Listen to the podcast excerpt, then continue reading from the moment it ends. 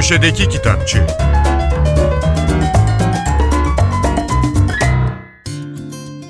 Merhaba, ben Adnan Bostancıoğlu. Alfa Yayınları İngiliz yazar Michael Dibdin'in 11 kitaplık Komiser Zen polisiye dizisinin ilk 3 kitabını aynı günlerde yayımladı. Fare Kral, İntikam ve Örgüt isimli romanları dilimize Seda Çıngay Melor çevirmiş. Michael Dibdin 1947 Wolverhampton doğumlu. İngiltere içinde sık sık taşınan ailesi, Michael 7 yaşındayken Kuzey İrlanda'ya yerleşti. Sussex Üniversitesi'nde İngiliz dili okuduktan sonra Kanada'da Alberta Üniversitesi'nde master yaptı. İlk romanı Son Sherlock Holmes hikayesi 1978'de basıldı ama Dibdin kendi bile pek itibar etmiyor bu ilk romanına.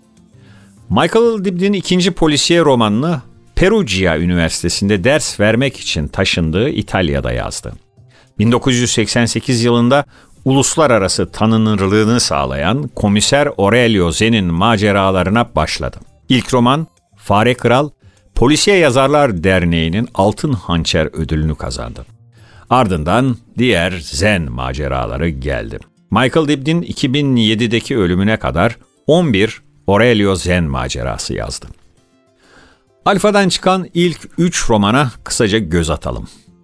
Fare Kral'da kahramanımız Komiser Zen, İtalya'nın en kudretli ailelerinden birinin reisi, fabrikatör Ruggiero Miletti kaçırılınca soruşturmayı yürütmek üzere Perugia'ya gönderilir. Ancak komiser Zen'in başarılı olmasını isteyen pek yoktur. Ne otoriteler ne de fabrikatörün çocukları. Miletti'yi kimler kaçırmış olabilir? Kaçıran kişi aileye yakın biri miydi? Çocuklarının bu işte parmağı var mı? Fare Kral'da komiser Zen bu soruların peşine düşer. İntikamda ise komiser Zen'in başı yine derttedir çünkü imkansız bir ölümle karşı karşıyadır. Kodaman Oscar Brolo pek çok düşmanı olduğundan malikanesini adeta bir kaleye çevirmiştir.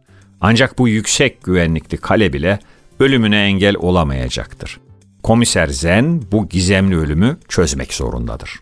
Serinin üçüncü kitabı Örgüt'te dedektif Zen, Prens Ludovico Ruspanti'nin şüpheli ölümüyle karşı karşıyadır. St. Peter Şapeli'nde gerçekleşen olay bir intihar mıydı? Ruspanti dengesini kaybedip düştü mü yoksa itildi mi? Dedektif Zen bu sorulara cevap bulmanın kolay olmadığının farkındadır. Öte yandan tanıklar da bir bir sırra kadem basacaktır. Polisiye meraklılar için Komiser Zen'in maceraları usta işi kurgusu, heyecanı, ironi ve mizahıyla zevkli bir okuma vaat ediyor.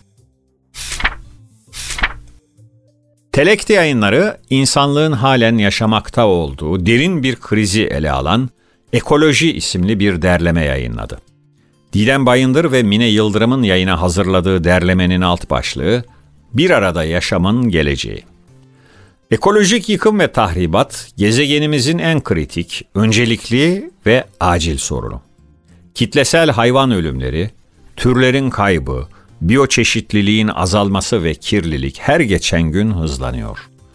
Yer küreyle ilişkimizi gözden geçirmemiz, iktisat politikalarına, üretim modellerine, tüketim alışkanlıklarımıza acilen müdahale etmemiz gerekiyor. İşte bu kaygılarla ortaya çıkan ekoloji, bir arada yaşamın geleceği, yaşadığımız ekolojik yıkımı çok boyutlu dinamikleriyle ele alıyor. Kitapta yer alan makaleler sadece dünya ile ilişkimize değil, aynı zamanda yer kürenin canlı ve cansız varlıkların gezegenin dününe, bugününe ve geleceğine bakıyor. Derleme üç ana başlıktan oluşuyor. İlki, geri dönüşü olmayan noktaya bir adım kala, iklim krizi ve yeryüzünde yaşam. İkinci ana başlık müşterek bir dünya, insan dışı ve ötesi. Son başlıkta yeryüzünde gelecek ve adalet. Derlemeye 21 makale ile katkıda bulunan yerli ve yabancı yazarlar, uzmanlık alanlarından yola çıkarak gerek bireysel ve toplumsal hayatlarımızda, gerekse küresel örgütler ve devletler bazında değişmek zorunda oluşumuza dikkat çekiyorlar. Yazılar canlı ve cansız tüm varlıklarla yeryüzünün bir bütün olduğunu hatırlamak, hatırlatmak amacını taşıyor. Çocuk kitapları yazarı ve çizeri Benji Davies'in Kar Tanesi isimli hikayesi Red House Kids yayınlarından çıktı.